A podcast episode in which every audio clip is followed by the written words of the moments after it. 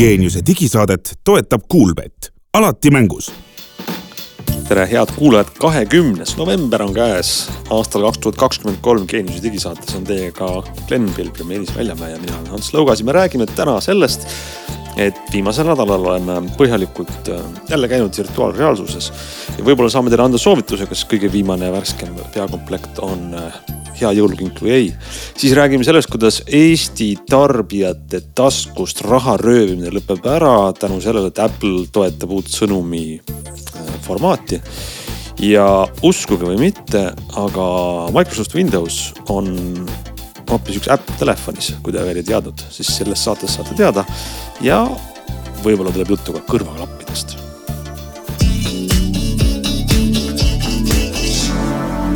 nii, alustame võib-olla isikliku äh, katse ja kogemuse ja testimisega, millest äh, meie truud kuulajad on natukene juba kuulnud, aga võib-olla te ei ole kuulnud, siis ähm, Glen äh, tellis kohe esimesel sekundil ära, kui Mark Zuckerberg näitas uut Meta Quest kolm äh, peakomplekti. Glen Pilver oli esimene tellija, kohe need põhjapõdrad tõid Ameerikast sealt peakontorist siia Eestisse peakomplekti ja. Glen äh, on tagasi reaalsuses ja nüüd pikema testimise järel on võib-olla hea hetk teha see vahekokkuvõte, kus maal me oleme. viimased ütleme, ma ütleks, raamistaks niimoodi. viimane tõsiseltvõetav ja laiatarbe peakomplekt enne Apple'i eh, seadme väljatulekut, teatavasti Apple'i iVision Pro peaks tulema jaanuaris müügile. et eh, mida siis Meta Quest kolm eh, teeb rohkemat ja ägedamat võrreldes eelmise aasta Questiga ja Quest kahega. eelmine aasta vist oli Quest Pro oli selle mudeli nimi. jaa, pigem küll ja mis ei, ei tegelikult ei pretendeerigi üldse olema siis noh, võib-olla päris selles reas, kus siis need yeah. numbrilised quest'id on, sest tegelikult nagu oleme ka öelnud meie selles saates, kus me seda ütlesime, et MetaQuest kaks tegelikult tuli välja kolm aastat tagasi. et see vahe on olnud kolm aastat ja, ja. aga kuule, teema pole, alustame niimoodi, et võib-olla ma arvan, et meie kuulajad on täiesti ilma kontekstita või on unustanud või pole tähele pannud. mis on selle Quest kolme põhieripärad ähm,? pilt, ümbritseva taju tuvastamine, resolutsioon. jah, eks ta ongi läinud, noh, kes, kes teab, et me räägime siis sellistest prillidest, mis käivad ette nagu väiksemat sorti tuukrimask või akvalang või selline ühesõnaga mitte siis sellised prillid nagu päikseprillid, vaid. aga suhu ei selline... lähe seda hapnikutoru on ju. jah, hapnikutoru ei lähe veel suhu vaja, aga paned ikkagi omale siis sellise ekraani rihmaga tõmbad pähe ja siis seal ees on kaks ekraani, selles ekraanis nii-öelda kummagi silma jaoks ja, ja siis sealt pealt näed asju ja, ja loomulikult track ivad nad siis sinu liikumist ja kõike muud, nii et vaatad ringi päris maailmas, aga tegelikult ei vaata ringi päris maailmas, vaid virtuaalmaailmas, et Quest üks, mis tuli välja muide siis kaks tuhat üheksateist, kui ma nüüd ei eksi, et tegelikult ühe ja kahe vahe oli, oli ainult aasta, et tegelikult omamoodi see kaks oli siis nagu ütleme siis nagu kohe võib-olla natukene, võib-olla ühe vigade parandus mõnes mõttes, aga mõnes mõttes isegi vastupidi, et kui ühel oli teadupärast Oled ekraan, siis Quest kaks tõi LCD ekraani, hoidis hinda kokku, et võib-olla isegi oligi selle Quest kahe puhul nagu see hind väga märkimisväärne argument, sest ta maksis, kas see dollari hind oli lausa alla kahe, ei alla kahesaja ei olnud, alla kolmesaja võis ta küll olla, et ta oli, ta oli tõesti väga kättesaadava hinnaga. aga noh, ta oli nagu suhteliselt ikkagi kobakas, et ta ulatus sul näost üksjagu eemale ja noh, ta oli ikkagi selline suur, mitte et kuidagi ebamugavalt suur, et mul endal on üks olemas, kaks jäi mul nagu vahele, kes on meie saateid kuulanud, teab ka seda väga hästi. aga kolm on siis noh, igas mõttes on ta tõesti parem, et ta on väiksem, ta on äh, loomulikult palju võimekam, see uus protsessor siin ees sees äh, peaks olema ikkagi kaks korda, et mitte öelda rohkem võimekam eelmisest. Äh, kaadrisagedust saab nihutada, noh muidu on üheksakümmend, aga eksperimentaalselt ka saja kahekümne peale. et oleks üli, üli. mis tähendab eksperimentaalselt, et see siis kogu aeg ei tööta või?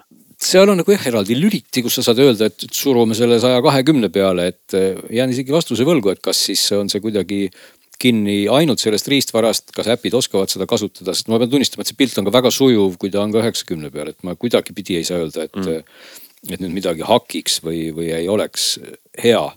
et äh, resolutsiooni mõttes on nad ju tegelikult kõige-kõigemad peaaegu üldse, et selles mõttes isegi marginaalselt teravamad kui Pro, eks ole, mis maksab peaaegu et kordades rohkem. et üks, üks silm on seal kaks või 4K, põhimõtteliselt mõlemad servad pildist on siis üle kahe tuhande piksli. et tegelikult ikkagi noh, mõnikümmend, paarkümmend protsenti on see teravam eelmisest Quest kahest. aga see annab ikkagi tunda, et, et see teralisus on loomulikult täna ka veel ikkagi olemas, et seda nüüd ei saa öelda, et, et seal ei oleks arenguruumi, ikkagi on. Et eriti kui sa vaatad siis noh, kuidas ma siis ütlen, et kui sa tahad vaadata mingisuguseid väiksemaid kirju võib-olla kaugemalt, et siis sa saad aru, et et seal on see teralisus, aga teistpidi no mängude kontekstis isegi see ei olegi võib-olla kõige olulisem, et ega tegelikult sellise.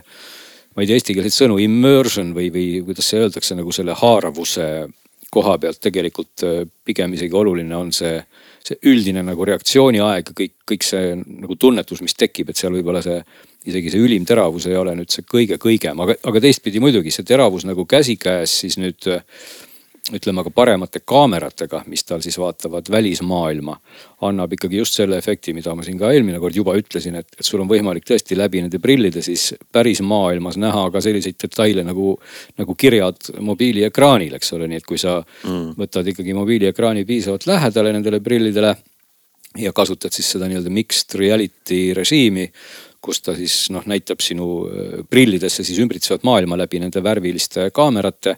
Siis sa saad tegelikult lugeda kirjasid mobiiliekraanil ja seda ka kasutada, noh miks sa seda nüüd peaks tegema, on iseasi.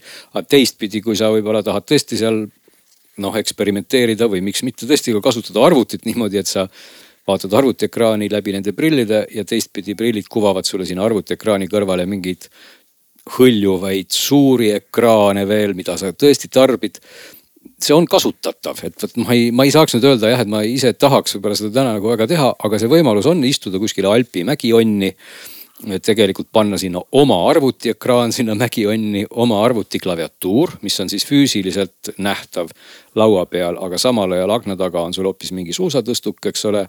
ja siis kuskil lae all või hõljuvad veel mingid ekraanid, et, et sellise maailma kujundamine on tegelikult võimalik.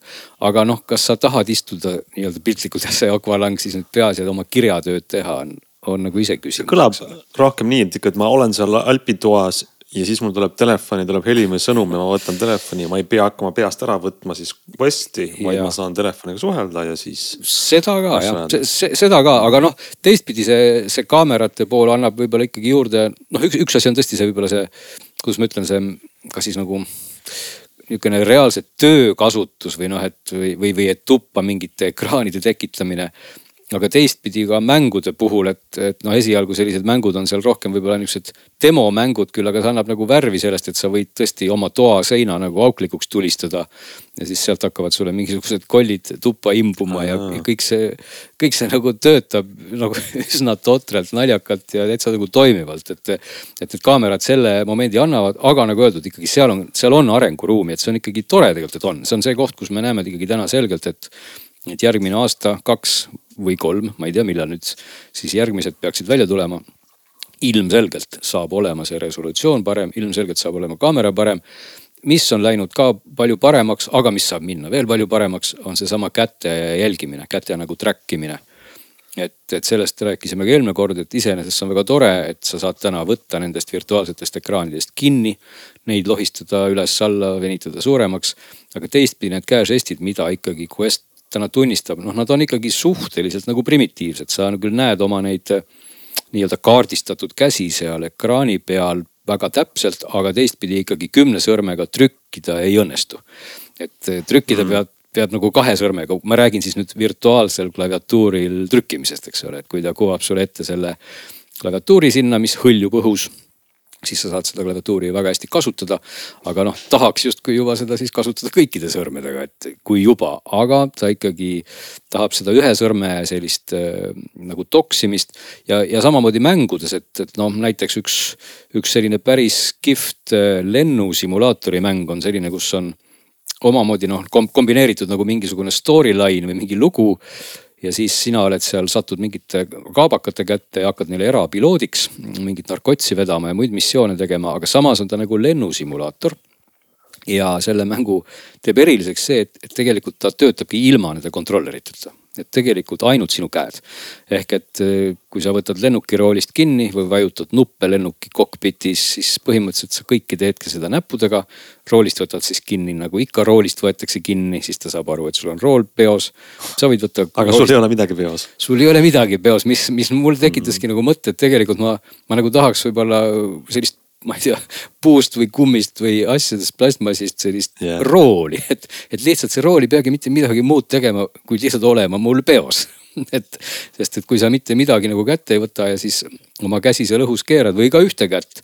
või siis teistpidi sealt lennuki istme pealt pead sa mingeid päikseprille omal aeg-ajalt ette panema või mingit kohvi rüüpama termosest. kõike seda saad sa siis teha käte žestidega, käe žestidega.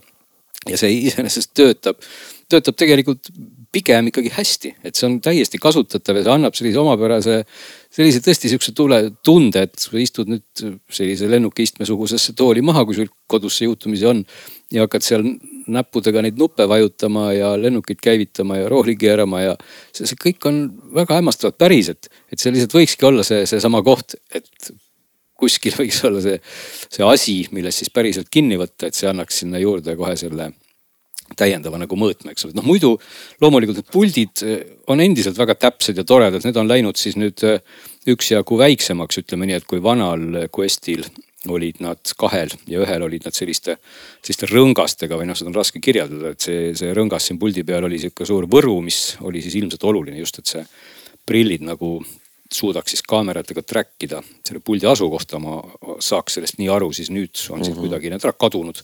et põhimõtteliselt nuppe ja kõike on siin sama palju, et loomulikult pultidega on, on siis enamik mänge ja asju noh, väga täpne kasutada, mis iganes need siis ka on, et nagu sellise komplekti puhul ikka, ega ta on täpselt nii hea, kui on need äpid, kui on need asjad, mida sa siis sellega teed.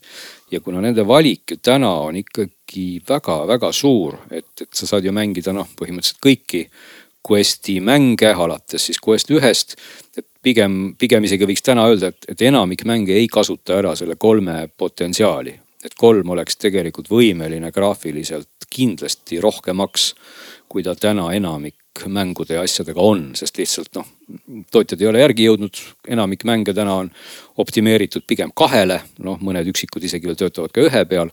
aga nagu kaks oli see nii-öelda milstone või, või millega ju kõik arvestasid ja noh, nüüd see kolm lihtsalt nii palju andis ju võimsust juurde, et, et ilmselgelt ei ole praegu järgi jõutud, et seda kolme riistvara lihtsalt ära kasutada et kui see, kui see ka nüüd tuleks, siis nad lähevad veel paremaks, et ja mida ma tahtsin siis selle pika jutuga öelda, ongi see, et võib-olla mõni leiab nende prillide jaoks ainult mingi paar siis nii-öelda, kuidas me ütleme, killer äppi, olgu see siis näiteks lennusimulaator või võib-olla mõni tahab teha virtuaalset trenni, aeroobikat näiteks möllata kuskil, võib-olla mõni tahab tennist hoopis mängida, võib-olla mõni on mingi pingsi hull, lauatennist tahab hoopis mängida. mõni tahab lihtsalt zombisid tappa, mõni tahab lihtsalt püstoliga vehkida, et tegelikult see see mängude maailm on tegelikult ausalt öeldes nagu noh, liiga suur on võib-olla pahasti öeldud, aga ta ongi nii suur, et, et sa võid leida võib-olla selle ühe ja kaks asja. Ja sellepärast juba need prillid ennast õigustavad, et kui sa tõesti iga päev viitsid endaga tund aega võimelda, igipull otsa ees selle asemel, et päris jõusaali minna miks mitte, eks ole, et, et või, või tahad yeah. lennukiga lennata, on ju. ja tegelikult isegi see kõige lihtsam ja primitiivsem Beat Saber on päris hea trenn, aga mulle tundub, et põhiküsimus on see, et kumb äh, jõuab ennem kätte kas peakomplekti aku saab tühjaks või ta hakkab su pea nii kõvasti pigistama ja higistama, et sa tahad ära võtta? no pigem see tuleb nüüd ikka tunnistada, et, et kui su pea on juba piisavalt ära pigistatud ja higistatud, siis selle mm, kolme puhul saab aku tühjaks jah. et mm, et mul ei ole kahte võrdluseks, aga noh, üks oli lihtsalt nii palju lahjem, et, et ühe puhul oli pigem võib-olla teistpidi jah, et üks oli nii palju suur kobakas ja mulle tundus, et aku pidas palju paremini vastu, et seal oli nagu jah, see tunne, et, et sa võtaks vahepeal selle ära, laseks omale silmadele natuke hapnikku juurde mm. -hmm. siis kahe puhul on küll niimoodi, et noh, nad ise ütlevad, et kuni kaks tundi, aga pigem tund, et pigem kui sa ikka möllad seal mm intensiivsemalt siis saab see aku tühjaks kindlasti tund, võib-olla pluss. et ta saab pigem nagu ruttu tühjaks jah, ja siis sa pead ta kahjuks panema laadima, aga teistpidi see juhe on ju seal või pistik on seal prillide küljes.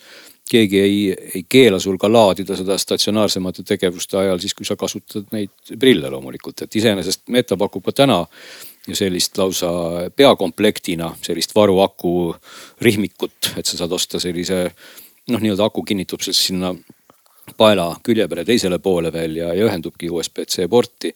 et see on ka niimoodi olemas, aga loomulikult. see on siis nagu selle Apple'i iVision Pro mõte on, et sul on taskus akupank ja juhe jookseb. nojah, siin sa võid ju seda vabalt ise kasutada, et selles mõttes keegi mm -hmm. ei keela sul seda akupanka taskusse panna, mis tal muide on läinud väga heaks, on heli. et see on täitsa üllatavalt hea, kuidas, kuidas see heli, mida ta siis sulle suunab nende prilli kõrvalt on sellised väiksed kõlari ovaalikesed siin kuskil mingid triibud, mis, mis seda, seda heli sulle kõrva poole suunavad ja ja see on täiesti selline passine ja veenev, et isegi nende mängude puhul, mis eeldavad sul mingit muusikalist tausta, mille järgi siis asju teha. ma ei saaks nagu öelda, et ma kohe tahaksin panna omale pähe mingisugused kõrvaklapid, mis võimalus muidugi on. ja, ja see silmavahe reguleerimine on ka tehtud väga heaks, siin on sihuke rattakene all, kus sa saad siis seda IPD-d või mis ta on, interpupillary distance siis keerata, näitab ta seda sul graafiliselt. Prillidega komplektis ei ole küll seda dokki, kus sa saad panna need laadima, aga jällegi, kes siis tõesti väga tahab neid dokitada, on see lisavarustuse hulgas, muidu on ta siis, eks ole, nagu ma ütlesin, USB-C. võib-olla veel nagu siin miinuste rubriiki natukene, et see osa, mis sul vastu nägu toetub, see on nagu riidest, et see ei ole mingisugusest nahast või sellisest, sellisest higi tõukavast materjalist. ta ei ole kummist ja, ja ta ei ole kummist, aga noh, pigem see riie tähendab lihtsalt seda, et kui sa juhtumisi tõesti kõik oma higi eraldad näost selle trenni ajal, siis see imendub sul kindlasti siia riide sisse, et seda tuleb sul, ta saab siit ära küljest kuidagi sikutada ilmselt ja ja sa saad seda nagu pesta, et, et võib-olla see riie lihtsalt üsna ruttu muutub natuke selliseks mitte kõige puhtamaks riideks, aga noh, kuna ta on musta värvi, sa ei saa võib-olla aru, et see, see peariba või, või strap või kuidas ma ütlen, rihmad. samuti, et see kinnituse pool on nagu natuke selline, et ta, ta annab nagu järge aeg-ajalt või, või läheb pea kogu aeg väiksemaks või mul on nagu tunne, et. et kui ta on sul siin peas, siis mõne aja pärast tahaksid nagu jälle seda vähe nagu pingule rohkem tõmmata, sest ta ei ole läinud muide kergemaks kui Quest kaks. et Quest kaks mm. isegi vist oli marginaalselt kergem, et igal juhul ta on samas kaalus, aga noh, kuna ta on tunduvalt lühem, ütleme selles mõttes lühem sinu ninast edasi, et ta ei ole siis nii suur akvalang, siis ta tegelikult peas ikkagi tundub oluliselt kergem või selline kuidagi noh, märkamatum on vale sõna, aga ikkagi natukene väiksem. ja noh, väga oluline parameeter, millest me eelmine saade muidugi rääkisime, see vaatenurk on siin, on sada kümme kraadi, see tähendab siis, et palju sa palju sa näed, nii et nendest eh, oma silma, silma nagu vaatevälja nurkadest, et see siin kindlasti võiks ka veel olla arenguruumi, aga see on juba ka täna tänases mõistes on see hea, see on piisavalt suur, et mida, mida vähem sul on nagu sellist klaustrofoobilist, et vaatan ainult ette nagu hobune silmaklappidega efekti, siis seda mm, -hmm. seda parem, eks ole, nii et. vot selline on see üldine jah, kokkuvõte, et, et miinuste alla jah, võib-olla siis aku, natukene võib-olla kohmakam see peakinnitus, aga noh, teistpidi meil ei ole täna nagu otsest meil ei ole otsest konkurenti üldse, eks ole, sest et Quest ja. Pro on tunduvalt kallim. Apple'i oma tuleb hoopis teises hinnaklassis, on olemas siin küll teisi tootjaid veel, aga neil ei ole sellist ökosüsteemi ei ole taga, et, et Meta on ikkagi noh, selle osakonna päris hästi käima lükanud, kõik see, mis sealt, mis sealt kaasa tuleb, eks ole.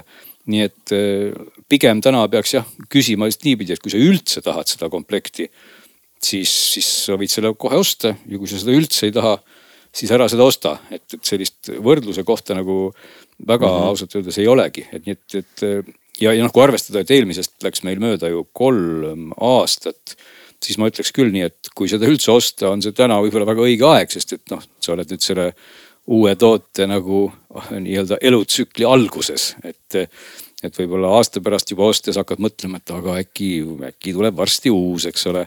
noh, ja nagu elu näitab, ega need hinnad ka väga palju ei langenud. tõsi, see kolm on ju kõvasti kallim et mina tõin ta omale Amazonist või lasin tuua, kus ta maksis viissada viiskümmend eurot.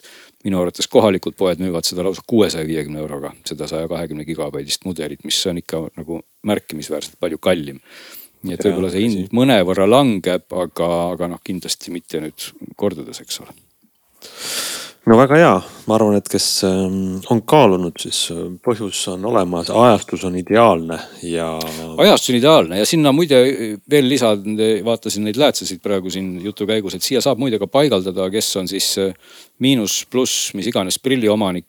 tegelikult päris mitmed tootjad pakuvad siia sisse siis ka neid, mis need on, prescription retsepti läätsesid, eks ole, et, et mm. -hmm et üks on VR Optician on, on üks firma, kes neid näiteks pakub, saad täpselt valida oma retsepti järgi kõikvõimalikud parameetrid ja, ja need ära vahetada, sest nad jah, muidu on ikkagi mõeldud niimoodi, et noh, minul ka miinusprill ei ole selline teab mis suur miinus, aga ikkagi ma ikkagi peaks need prillid sinna alla jätma, et muidu nagu ei ole päris, päris see pilt. aga mahuvad ka sellised suuremad prillid sinna alla ära, et, et loomulikult, kui sul on sellised vähe tagasihoidlikumad prilliraamid, on sul võib-olla lihtsam, aga isegi sellised eh, moekad trendiprillid mahuvad sinna alla ära. selge, väga hea, ma arvan, et äh, Quest kolm on meil üle vaadatud, järgi proovitud ja ära kuulatud, lähme siis edasi uudistega ja räägime järgmiseks ühest väiksest asjast, mida Apple lubas välja lasta, mis kõlab jälle tehniliselt esialgu.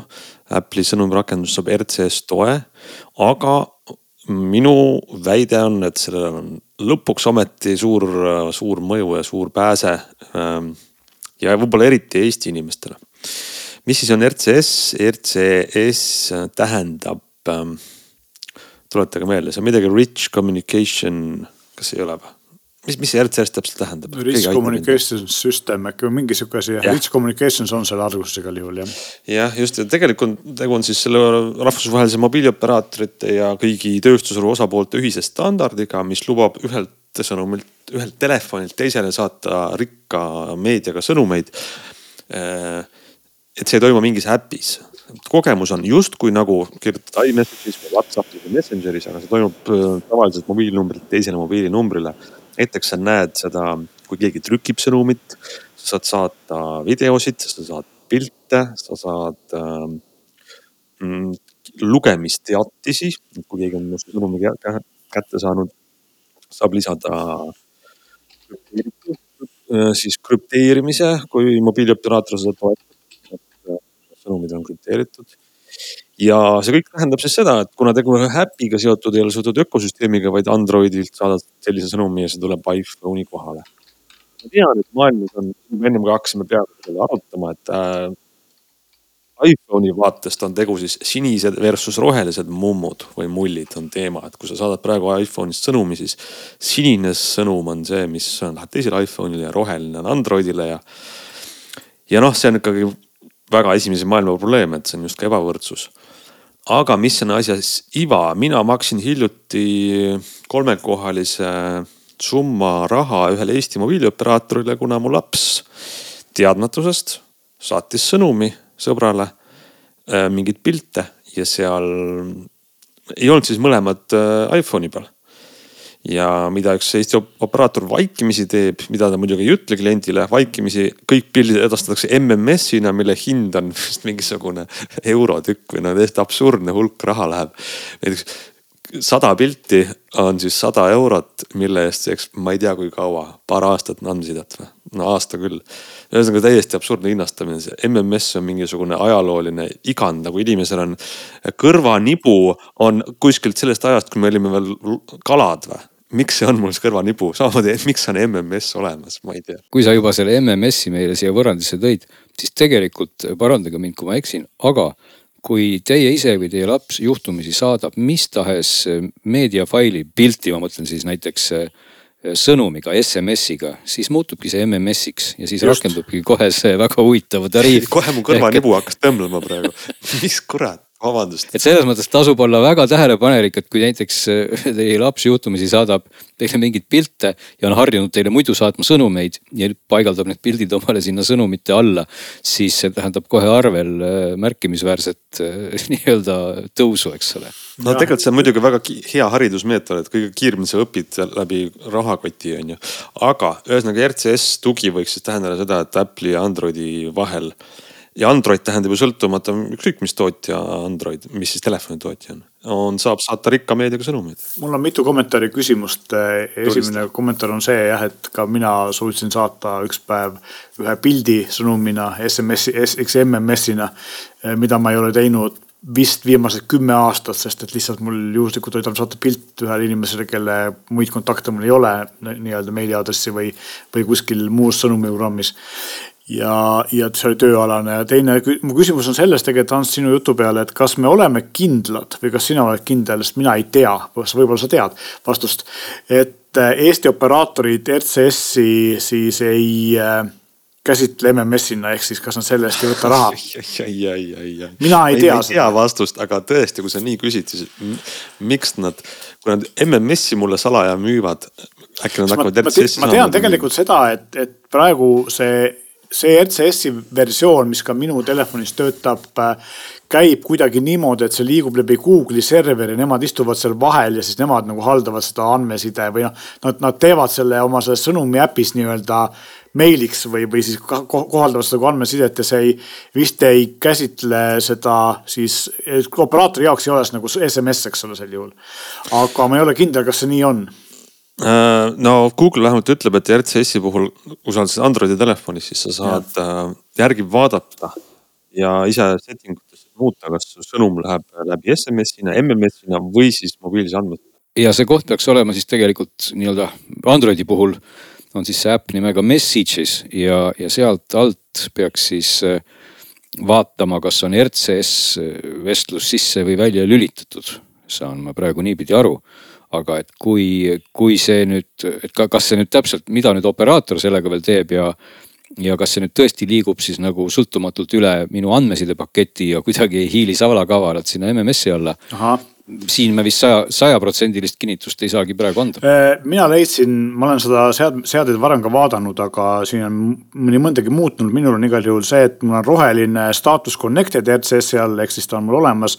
ja siin on linnuke, mis ütleb, et äh, saada automaatselt tekstina SMS või MMS-ina juhul, kui RC, RCS-ina ei ole võimalik saata, aga see on mul välja lülitatud, nii et ilmselt äh, siis ta fail ib nii et iseenesest ilmselt sellest ma järeldan, et kui sihuke linnuk on, et see RCS siiski ei ole MMS, et ta on midagi paremat. ja ilmselt ei lähe tasuliseks.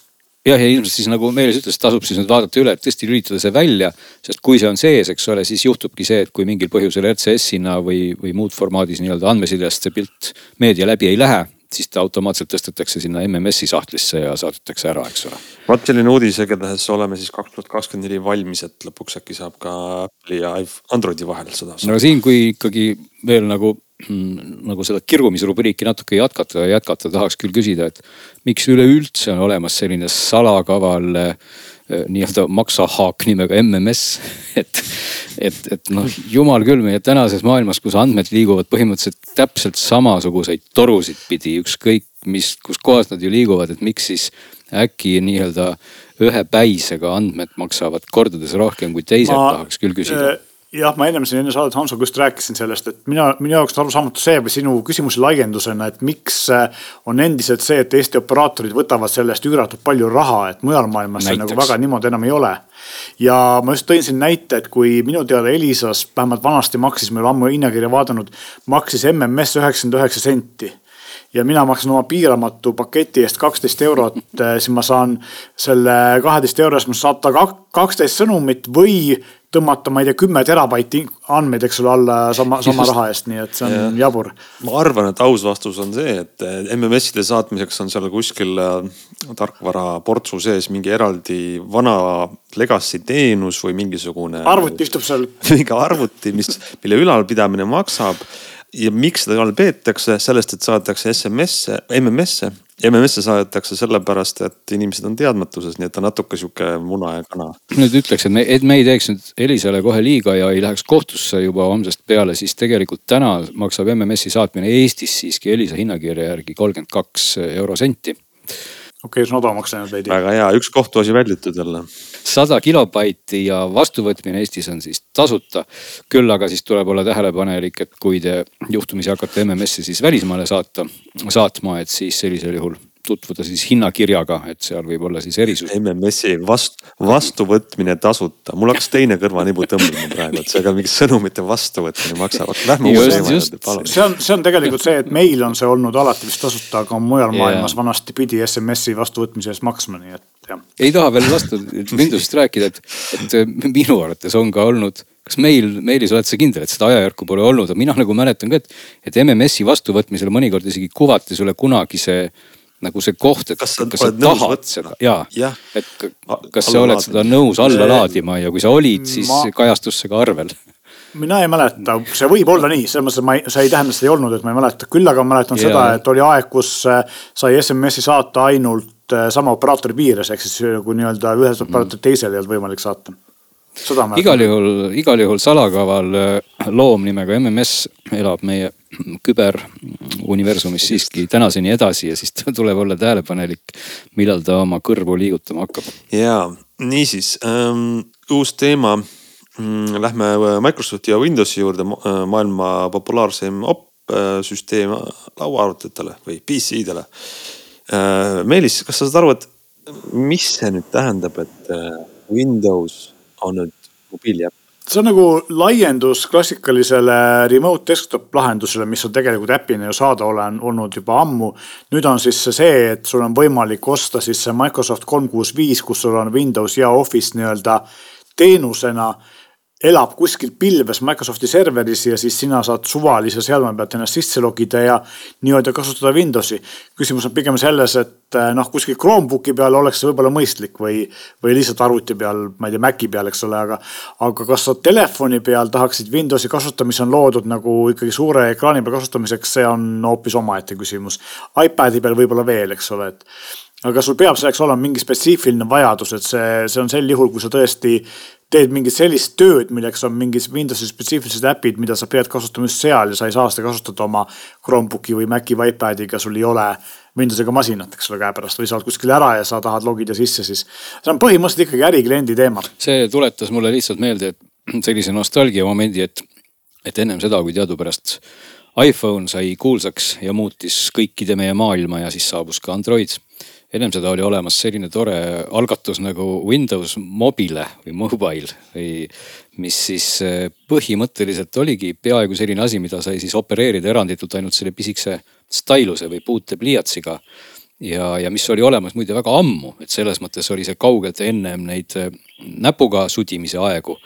ja see mõnes mõttes tõi mulle praegu lihtsalt see jutt meelde selle sellise vana hea aja, kus sa pidid siis mikroskoopilisel mobiiliekraanil selle mikroskoopilise stailusega ajama taga mikroskoopilisi numbreid mikroskoopilisest mina tabelist. kasutasin Windows Mobile'iga seadet juba siis, kui nii iOS kui Android olid täiesti olemas, kuigi alles lapsekingades. ja kasutasin seda täitsa edukalt, kuigi stailus oli olemas sellel HTC telefonil, mis mul oli. aga kasutasin seda edukalt näpuga, sest et ka tol ajal olid olemas igasugused modimise community'd ja ägedad tüübid, kes ehitasid igasuguseid asju ja täiesti võimalik oli saada eriti HTC telefonidele selle Windows Mobile'i skin'i, mis oli täiesti edukalt näpuga kasutatav, ainuke asi on see, et muidugi tolleaegsed siis need. ekraanid jah, survetundlikud ekraanid ei Just. ole ühtegi pidi nii mugavalt kasutatavad kui siis need nii-öelda mahutundlikud ekraanid, mida tänapäeval kasutatakse, eks ole, aga see oli täitsa töötas ja, ja ta täitsa mingil hetkel ka meeldis mulle, aga noh, see on vana ajalugu, eks ole, nii et. ja no ütleme, see survetundlik ekraan ka ei olnud multipuutetundlik, et, et Just. seal oli see koht, et ainult üks näpp mõjus.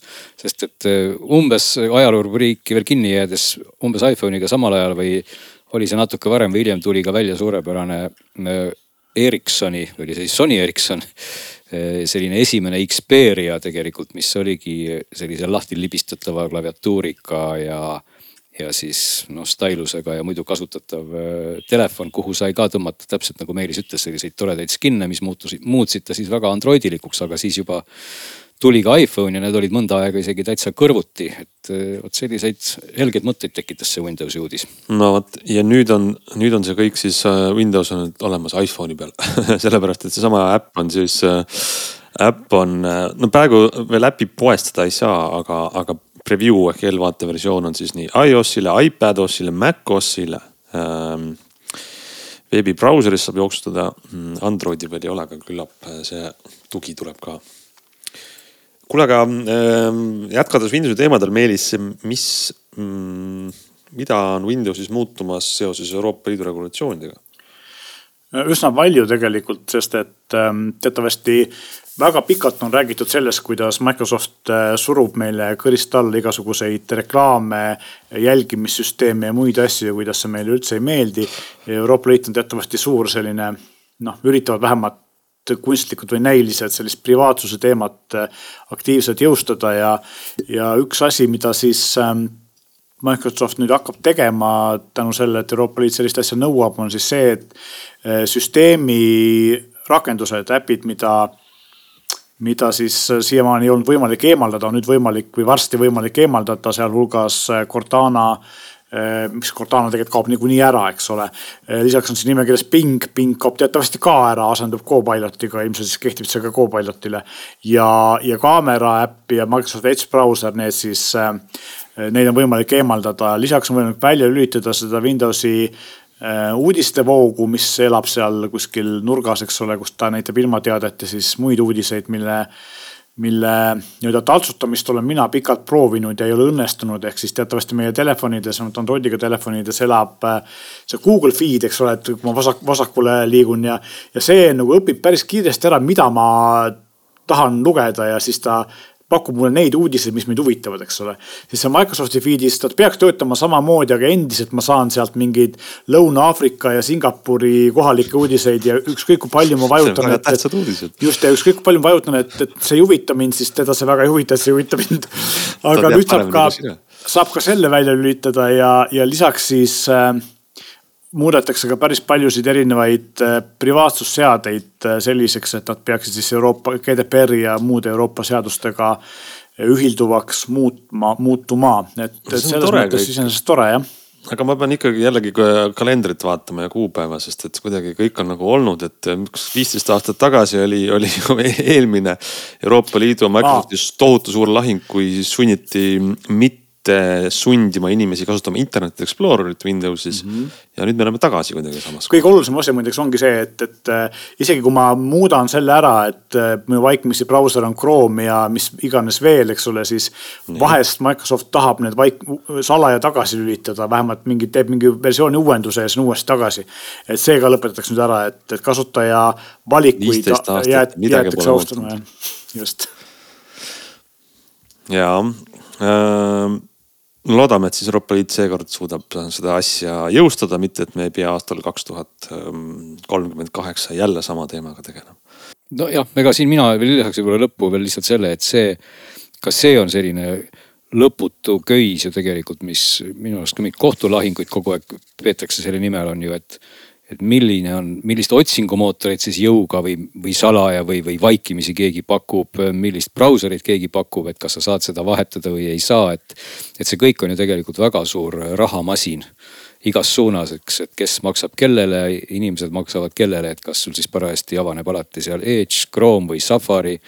milline otsingumootori aken sul avaneb, et see võib-olla nagu meie tavatarbija vaates ei olegi oluline, aga sellise big data vaates on see tegelikult üliülioluline. ja see on sul äh, väga hea tähelepanek, sest muide just hiljuti, kas nädal või paar tagasi tuli välja, palju Google maksab aastas selleks, et nende valik oleks, see oli vist kakskümmend kuus miljardit dollarit selle eest, et erinevates brauserites ja opsüsteemides oleks Google esimene valik otsingusüsteemis. mis on nagu ma saan aru, et minu tähelepanu on neile oluline, et nad maksavad selle eest, aga. väga aga, aga tähtis on, et kui ma soovin mõnda teist kasutada, siis, siis see seade või tarkvara ka minu eelistust selgeks. nii, aga ma arvan, et äh, teeme nüüd uudiste ringile vahe sisse ja ei saa me läbi kõrvaklappideta ka seekord. sest et eelmises saates juba kütsime huvi üles, lubasime, et äh, Glenil on midagi uut kõrvas. ja kolmas äh, kolmas pretendent maailma parimate nööpkõrvaklappide mm, tiitlile, ma saan aru, on vist täna tulemas, sest et kaks, neljas ka jah, kaks või kolm nädalat tagasi oli Jabra Elite kümme, mis sai kõrged reitingud siit stuudiost. eelmine nädal olid meil, kas need Huawei FreeBuds kolm Pro, mis ja, sai vist kõrged reitingud siit stuudiost. mis on meil täna kõrvas? no minul on nüüd jõudnud riiulist kõrva siis Bose Quiet Comfort Ultra, mis on siis eelmiste selline edasiarendus, noh, või kuidas ma siis ütlen, Quiet Comfortid on Bose'il siis kogu aeg olnud see, see nupunööbi kuuleri nimi. ja, ja nende hinnast oli juba natukene juttu, maksavad nad siis kolmsada viiskümmend eurot, mida on ikkagi päris palju kui siin needsamad Huawei'd, mida me eelmine kord siis pikemalt nii-öelda lahkasime, olid kõigest kakssada eurot, jabrad siis kakssada viiskümmend. nii, nüüd siis teen pausi, et kruvida põnevust. kas äh, jõuab sinna Pantenonile, kus on teised jumalad ees ka, ka nüüd, nüüd see mudel? no jaa, tegelikult. või pretendeerib üldse? vaata, ma alustaksin võib-olla natuke kaugemalt, et, et kipub maailmas paljude asjadega olema niimoodi, et, et selle kõige-kõigema, selle viimase millimeetri eest tuleb maksta ebaproportsionaalselt palju. ehk et kui sa mhm. tahad, sa tahad saada head asja, siis sa maksad mõistlikult, sa tahad võib-olla saada natuke veel paremat, sa maksad natuke mõistlikumalt, aga kui sa tahad saada seda, seda kõige-kõige paremat asja, siis võib juhtuda, et sa maksad mingi kümme korda rohkem kui siis ja. nagu see natuke kehvem asi. ja, ja need Bose'id ongi vot sinna rubriiki nad võiksid minna ja see, see, kellega nad tõesti siin praegu minu võrdluse vaatest nagu niimoodi otseselt vastupidisel kursil peadpidi kokku jooksevad, ongi seesama Huawei FreeBuds kolm Prod. ja, ja, ja need Bose'id, et heli mõttes ma ei ole enam sarnasemaid kuulareid vist ammu kuulnud, mis tulevad nagu täiesti erinevatelt tootjatelt. aga mis on märkimisväärselt head, et, et nii see Huawei kui see ka Bose, nad on mõlemad märkimisväärselt head kui siin eelmisel korral Meelis kiitis ka neid Technicseid väga, ka kuulasin neid Technicseid, siis tuleb ikkagi tunnistada, et, et mõlemad, nii, nii Bose'id kui Huawei'd ikkagi Technicsile näitavad tagatulesid just sellise heli, kuidas ma ütleksin nagu puhtuse ja dünaamika poolest, et, et kui Technicsid tekitavad sellise hea, hea sellise Jaapani loudness kõvera nagu, nagu ikka. muide Technicsi asjad vanasti tekitasid ka sellise mõnusalt maheda sound'i, eriti see, mis meeldis neile inimestele, kes, kes loudness'i nupu kohe sisse vajutasid, et. et see, kus nagu. nagu mina. noh ja kus on nagu rohkem bass, rohkem kõrgeid, selline, selline mahe kompresseeritud, natukene nihuke kokku vajutatud sihuke hästi ühtlane pilt. no Technicist kostab see, aga nendest Bose idest ja Huawei'dest kostab selline väga elus pilt, ehk et just see kesksageduste riba ja see on kõik nagu, nagu väga detailne, see mikrodünaamika on väga hea ja samal ajal on bassi väga palju aga mitte häirivalt palju, et kui ma eelmine kord isegi Huawei'de kohta kuidagi ütlesin, et bassi on häirivalt palju, siis tegelikult ma võtan oma sõnad nüüd tagasi. ei, neid ei ole häirivalt palju, nad on tegelikult väga hästi tasakaalus kogu selle muu asjaga, nad on väga madalad ka nendes Bose'i kuularites siis nii-öelda suupbass kakskümmend, kolmkümmend hertsi see on täiesti olemas. nii et heli kvaliteedi mõttes võib-olla natukene siis sellise pikema kõrrese Bose nagu tõmbab ja, ja tänu sellele vist just, et, et Bose'id on suuremad, nad on ikkagi oma mõõdult või nad on noh, jätkavad disainilt sedasama sama nii-öelda käekirja, et nad ei ole sellised nupud, mis ainult istuvad sul kõrvas siis selle kummijullaga, mis sul kuulmekanalisse läheb, vaid siin on nagu selline väikene servake veel peal ka või tiivake, mis haagib ennast natuke selle kõrva välimise augu külge ka ja, või võib-olla siis ka mõnevõrra summutab tänu sellele. et selles mõttes see Bose'i kuuler istub tegelikult kõrvas natukene noh, kas siis nagu mugavamalt, aga võib-olla kindlamalt mõnes mõttes ja, ja annab sellise topelt, topelt tihenduse, mida siis teised kuulerid ei anna. et seetõttu on see sound'i pilt alati tõesti väga-väga tüse väga,, väga-väga puhas ja annab siis juurde võib-olla ka just täiendavalt heas mõttes efekti. Bose'il on see immersive sound siis nimetavad nüüd seda, et see on seesama asi tegelikult nagu Jabrat siis pakkusid. ja nagu AirPodsid üldistades, see on nüüd selline asi, mis siis peasuuna mõttes jätab heli paigale aga ta tekitab seda natuke teistmoodi, et kui Jabrad tegid kohe sellise väga suure vannitoa efekti, siis Bose'id nagu seda ei tee. ma ütleks, nad teevad seda väga diskreetselt ja hästi, nad tõesti loovad sulle sellise natukene kerge kajava tunde, et sa oleksid nagu kusagil toas võib-olla ja see heli ei ole sul enam seal pea keskel, vaid ta on tõesti natukene eemal ja siis on seal kaks sellist valikut selles immersive audios, üks on siis see, et see heliallikas on alati paigal.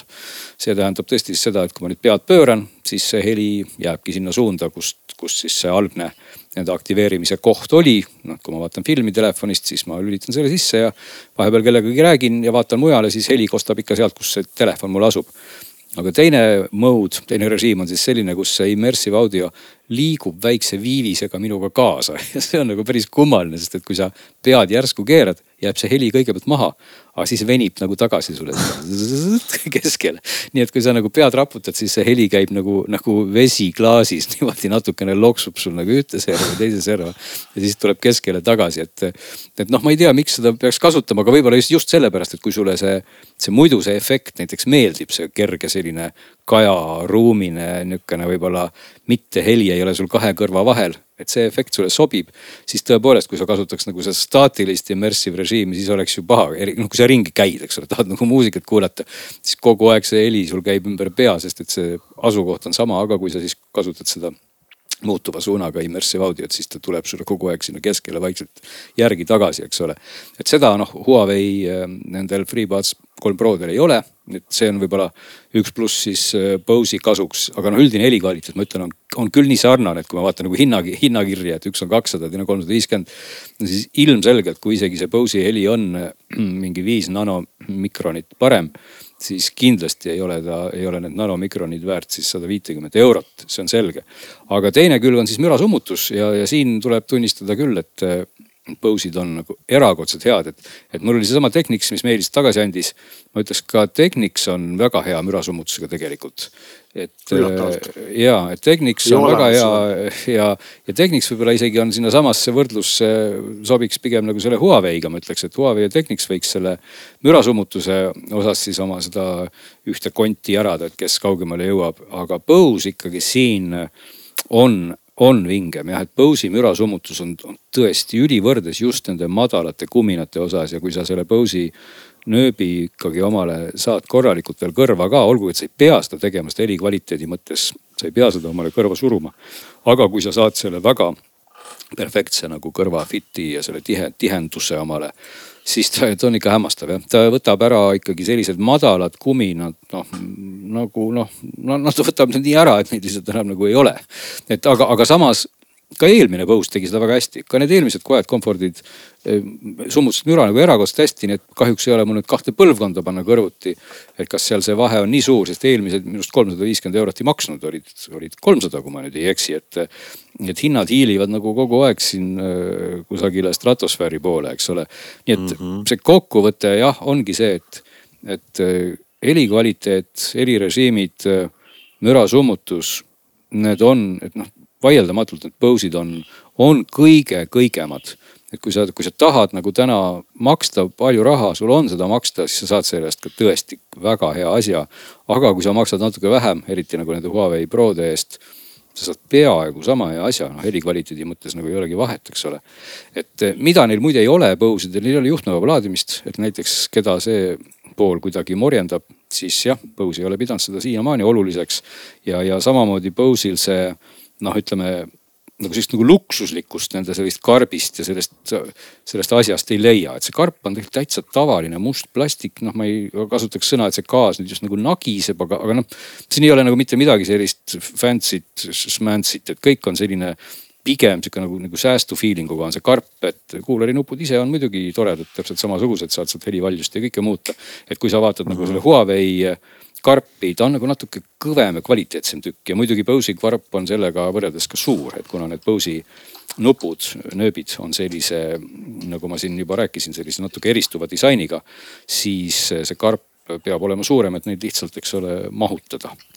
nii et vot selline on see kokkuvõte sellest Bose'ist, et igal juhul kolmesaja viiekümne eurost saad sa nüüd veel natukene rohkem kui sa said siis kahesaja euro eest, see on nüüd selge, aga, aga ega siin on veel teisigi, ma vaatan, et meie testirida ei pea üldse ära lõppema, et, et kas oli see Bang Olufsen, kellel on ka mingid nööbid või, või oli see, oli see mingi muu firma, kellel on veel kallimaid võtta, nii et elu võib huvitavaks minna. ja, et minul on siin hetkel käepärast Sony kõige paremaks peetavad klapid, mida peetakse nagu üldse kõige paremateks klappideks vähemalt ja et ma võin lühidalt neist ka rääkida et ühtlasi, ühesõnaga tegemist on siis Sony VF tuhat XM5-ga, mida enamus selle aasta klapiteste on, peavad konkurentsiliselt parimateks äh, juhtmevabadeks väikesteks kõrvaklappideks.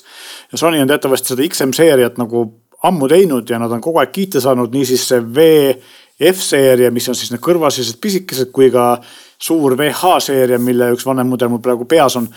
ja tuleb öelda seda, et äh, väga palju on tehtud edusamme siin Sony klappide puhul. põhiline on see, et nad on läinud kõvasti väiksemaks, kui vanad Sonyd olid väga hea mürasummutusega, aga selle eest väga suured, samamoodi nagu Bose'id olid vanasti väga suured, eks ole. siis need uued on tegelikult sama suured kui enamus teisi selliseid tänapäevaseid klappe, nagu olid need äh, Technicsid või, või Jabrad, Jabrad on natukene minimaalselt väiksemad. aga karp on läinud kõvasti väiksemaks, karbil on endiselt alles juhtmevaba laadimine. loomulikult USB-C pesa ja äh, Glenni lemmikasi nupp, mida on näha, kus ta asub Bose'il on ka nupp muide. just, jabradel näiteks, mis siin kõrval on, ei ole. ja kui karbi lahti võtta, siis äh, tegelikult kohe tuleb välja esimene negatiivne pool, nimelt see on see, et need klapid on hästi libedad ja minul näiteks ühe käega neid välja võtta eriti ei õnnestu, et äh, nad on väga libedad. erinevalt jällegi jabrast või, või Technicsist. aga kui nad juba korra väljas on, siis nad on ikkagi niivõrd palju väiksemad, et nad enam ei ulatu kõrvast niimoodi välja nagu eelmistel aastatel. teine erinevus, mis on nii eelmise aasta kui selle aasta Sony klappidel on see, et neil on siis äh, need otsikud, mis tavaliselt on kummist, siis Sony paneb kaasa nad siis sellest äh, proloonist või vahust, eks ole. vaht, vahtplassist, äh, mis on poorne ja mis tegelikult annab positiivse poole pealt kõvasti parema sellise hermet-, hermitiseerimise ehk siis ta annab parema bassi, annab parema helitugevuse ja annab parema mürasummutuse. aga negatiivse poole pealt on see, et neid ei ole nii kiire ja efektiivne kõrva panna, kui on kummiotsikutega, sest et sa pead need eh, vahud natukene kokku suruma, siis kõrva panema, hoidma, et nad mingi kümmekond sekundit paigal, et nad suudaksid tagasi oma algsesse asendisse minna ja inimesed, kes seda ei tee ja paljud ei tee, siis need võivad öelda, et tegelikult nad ei saa nagu väga head sellist kontakti kõrvaga nende klappidega, et see vajab oskusi. ja teine asi muidugi see, et erinevalt kummiotsikutest, mis kestavad põhimõtteliselt igavesti, siis need äh, vahuste otsikuid tuleb ikkagi noh, vähemalt korra poole aasta tagant vahetatakse, pead neid uusi ostma, nad kuluvad ära ja lähevad vaiku täis ja siis nad ühel hetkel lihtsalt enam ei, ei ole nagu normaalsed. aga mis puudutab nüüd heli ja kogu seda asja, siis noh, loomulikult heli on äh, Sony tippklappidel omaselt väga hea, ta on veel parem kui enne. detailsus on fantastiline. Equalizer on endiselt väga hea, see on super bassiregulaator on seal eraldi juures. kui ma nüüd võrdlen neid nende Technicsitega, millest ma siin eelmine kord rääkisin, mis Glenile ei meeldinud, siis ma ütleks, et minule jätkuvalt vastupidisena, eks ole, meeldis Technicsi bass rohkem kui nende Sonyde oma. Technicsi bass oli sihuke madalam ja konkreetsem. Sonyde oma on sihuke natuke veidi kumisevam ja ma ei tea ma ei oska sageduste koha pealt öelda, aga, aga ühesõnaga mulle see, see osa meeldis Technicsi puhul rohkem, samas Sony on detailsem ja kõrged on ka paremad. Lisaks on siis samamoodi Sonyl olemas nagu Technicsi L-takk, mis on tegelikult ongi Sony poolt välja mõeldud, eks ole, et Androidiga telefoni peal saab head helikvaliteeti, kui sul on vastav muusika, mida see, millest see välja tuleb. samuti on AAC ja SBC loomulikult ja mürasummutus, noh, mis me sellest räägime, mürasummutus on väga hea, ilmselt kõige parem välja arvatud needsamad uued Bose'id, mida praegu peetakse konkurentsitult parimaks mürasummutuse klappideks. Sony'd saavad sinna, on seal kohe järel ja siis kolmandad tavaliselt on AirPods Pro kahed, eks ole, nii et need kolm on nagu praegu tipus. mürasummutuse koha pealt on ainult see, et ta on sees või väljas, teda ei saa reguleerida mida saab teha, kus ta natukene automaatselt üritab mürasummutust reguleerida, on siis see, et sa saad sisse panna asukoha jälgimisest üritab sinu asukoha järgi ja, ja siis ka mikrite järgi aru saada, missugune see mürafoon on ja selle järgi reguleerida, aga see. ma ütleks, ei tööta väga hästi, mina hoidsin seda väljas. teine asi, mis tal veel on, on siis äh, samuti see kolmsada kuuskümmend kraadi ruumiline heli, mis äh, noh, samamoodi minule ei meeldi, ma lüüsin selle välja, proovisin, muidu iseenesest töötas. lisaks on Sony's siis igasugused asjad äpis, näiteks sa saad teha pildi oma kõrvadest ja laeb selle Sony serverisse üles, kui sa seda lubad ja, ja siis üritab selle järgi äh, pild, helipilti paremaks teha, noh, mina arvan, et et selline mõõtmismeetod töötab paremini, ehk siis nagu Technicsitel on või mõnedel teistel tootjatel, kes lasevad mingit signaali sulle kõrva ja siis mõõdavad seda. et ma tundus, et see Sony süsteem nagu väga suurt vahet ei teinud. et üldiselt äh, need klapid on head, nad on väiksed, nad on mõnusad, nad millegipärast on kõigi lemmikud, aga üks asi, mis veel, mis mulle üldse ei meeldi, on see, et, äh, et neil äh, siis see puutetundlike nuppude reguleerimine on hästi kehv, sest et põhimõtteliselt saad valida, mida need nupud teevad, kas nad reguleerivad heli või nad reguleerivad seda mürasummutust ja, ja Google Assistanti ja siukseid asju. aga sa ei saa näiteks muuta seda, mida teeb üks vajutus või kaks vajutust või kolm vajutust või, või pealhoidmine, eks ole, et. et see on nagu täiesti äh, täiesti puudu, nii et põhimõtteliselt sa saad ikkagi näiteks helitugevust reguleerida ainult niimoodi, et sa pead klopsima sinna viis-kuus korda vastu ja siis ta, kui ta tunneb selle ära, siis ta paneb su heli vaiksemaks või valjemaks, aga, aga nagu all hoides ei, ei toimu mitte midagi, eks ole, et see on nagu negatiivne pool ja minu arust sellise hinnaklassi juures on see suhteliselt andestamatu pool, et, et ei ole tehtud siis äh, normaalset juhitavust klappidele, mis maksavad üle kolmesaja euro, et see on nagu natukene imelik. aga jah, muidu iseenesest head klapid ja, ja täiesti, täiesti hea heliga, hea mürasummutusega ja väga palju kiita saanud, nii et need, kellele meeldivad siuksed kõige-kõigemad klapid ja ei huvita see, kuidas ma helitugevust reguleerida saan, nendele töötab väga hästi aga palju tuleb nende eest välja käia? vist ei ole rohkem midagi öelda, ainuke asi see ka võib-olla, et äh, multipoint on siis ka kahe seadmega ja nüüd saab multipointi kasutada samuti koos L-takiga equalizer'it, vanasti ei saanud. Nii et need on ka nagu uuemad asjad. aga Meelis, ikkagi sa ei taha meile öelda, palju nad maksavad? Äh, sõltub poest, nad ülguvad seal kolmesaja ümber, et ma nägin siin mingis poes neid kahesaja üheksakümnega osades on kolmsada üheksateist, nii et noh, ütleme niimoodi, et sinna kahesaja üheksakümne, kolmesaja kahekümne vahel nad üldiselt jäävad. et ütleme nii, et, et arvestades seda, et nad on, maksavad sada eurot rohkem kui need Technicsid ja noh, sada viiskümmend eurot rohkem kui Huawei'd, siis ähm, Nad on küll head klapid, aga kas nad on seda hinda väärt, see nüüd selle peab igaüks ise otsustama, et minu jaoks võib-olla ei ole, aga samas, kuna nad igal pool tabelites on absoluutselt esimesed, siis äh, järelikult on seal midagi sellist, millest mina võib-olla aru ei saa. No see tekitas kõik minus väga suure huvi, et ma arvan, et järgmiseks saateks olen ma ka need Sonyd omale kõrva pistnud, sest et ma tahan kohe praegu teada, kas need on siis paremad või halvemad kui needsamad Bose'id, sest et hinnaklassilt on nad üsna üsna sarnased, et ma, ma olen nagu ette nagu muidugi kaldus selle Bose'i poole, aga no võib-olla Sony. ma vaatasin ka mingeid ülevaateid ja siis ma jõudsin ülevaadet, teised ülevaated nii-öelda siis kolleegid, influencer'id ja ajakirjanikud on, on väitnud, et Äh, Sonyd on parema heliga ja Bose'il on parem mürasummutus no vot, see on väga huvitav, sest et äh, nagu ma ütlesin, Huawei'd ja Bose'id on.... Bose'i heli ei kiideta üldiselt. no Bose ja Huawei on tegelikult, nagu ma ütlesin, identsed ja noh, minu jaoks ausalt öeldes nad on nagu mõlemad väga-väga head, et kohe huvitabki, et, et kui no., kui Sonyl see heli siis nüüd paremaks on läinud, et see on põnev aga muidugi igalühel on äh, teatavasti ikkagi väga oluline on nendes klappide juures viimasel ajal see, et hind, sest et nagu Huawei on meil näidanud, väga hea hinnaga saab teha väga häid klappe, eks ole mm. -hmm. ja teine asi on see, et individuaalsed eelistused, mina näiteks tahan, et mu klappidel oleks multipoint ja, ja samuti, et tal oleks siis äh, normaalne helitugevuse reguleerimise võimalus. hea oleks, kui oleks ka juhtmevaba laadimine, aga see ei ole nii tähtis. aga näiteks Bose'il kalli hinna eest nendest kahe, kolmest asjast kahte ei ole, eks ole, nii et. no samas on tal helitugevust väga mugav reguleerida jälle. just. nii on selge, on jätkuhuvi on püsti, igatahes kõigile kuulajatele ütleme tänaseks aitäh ja olge meiega tagasi juba järgmisel nädalal.